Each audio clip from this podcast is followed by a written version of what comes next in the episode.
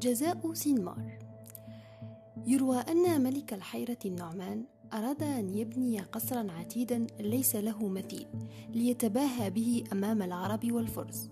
فاقترحوا عليه مهندسا من الروم يدعى سنمار عرف عنه إتقانه وإبداعه في البناء. فشرع سنمار في بنائه بكل ما أوتي من مهارة وخبرة ويقولون أنه استغرق قرابة عشرين سنة لإنهائه وأطلق عليه اسم الخورنق. عرضه على الملك فنال إعجابه وأخذه في جولة بأرجاء القصر ودار بينهما حديث وبعد وصولهما إلى أعلى قمة في القصر. أمر الملك النعمان بدفع سنمار من الأعلى ليلقى الأخير حتفه.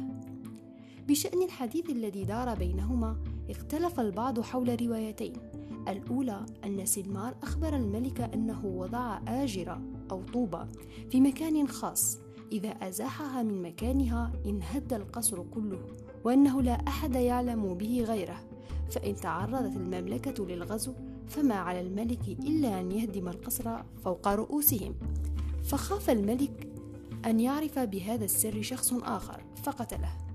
أما عن الرواية الثانية فهي حين أخبر سنمار الملك أنه يستطيع بناء قصر أفضل من الخورنق فحدثته نفسه بأنه سيبني لغيره أفضل من قصره. وأيا كان السبب فهذا هو جزاء المعروف عند هذا الملك وكانت هذه المكافأة التي نالها سنمار على عمله العظيم. ومنذ ذلك اليوم يطلق هذا المثل على من يجزي المحسن بالإساءة.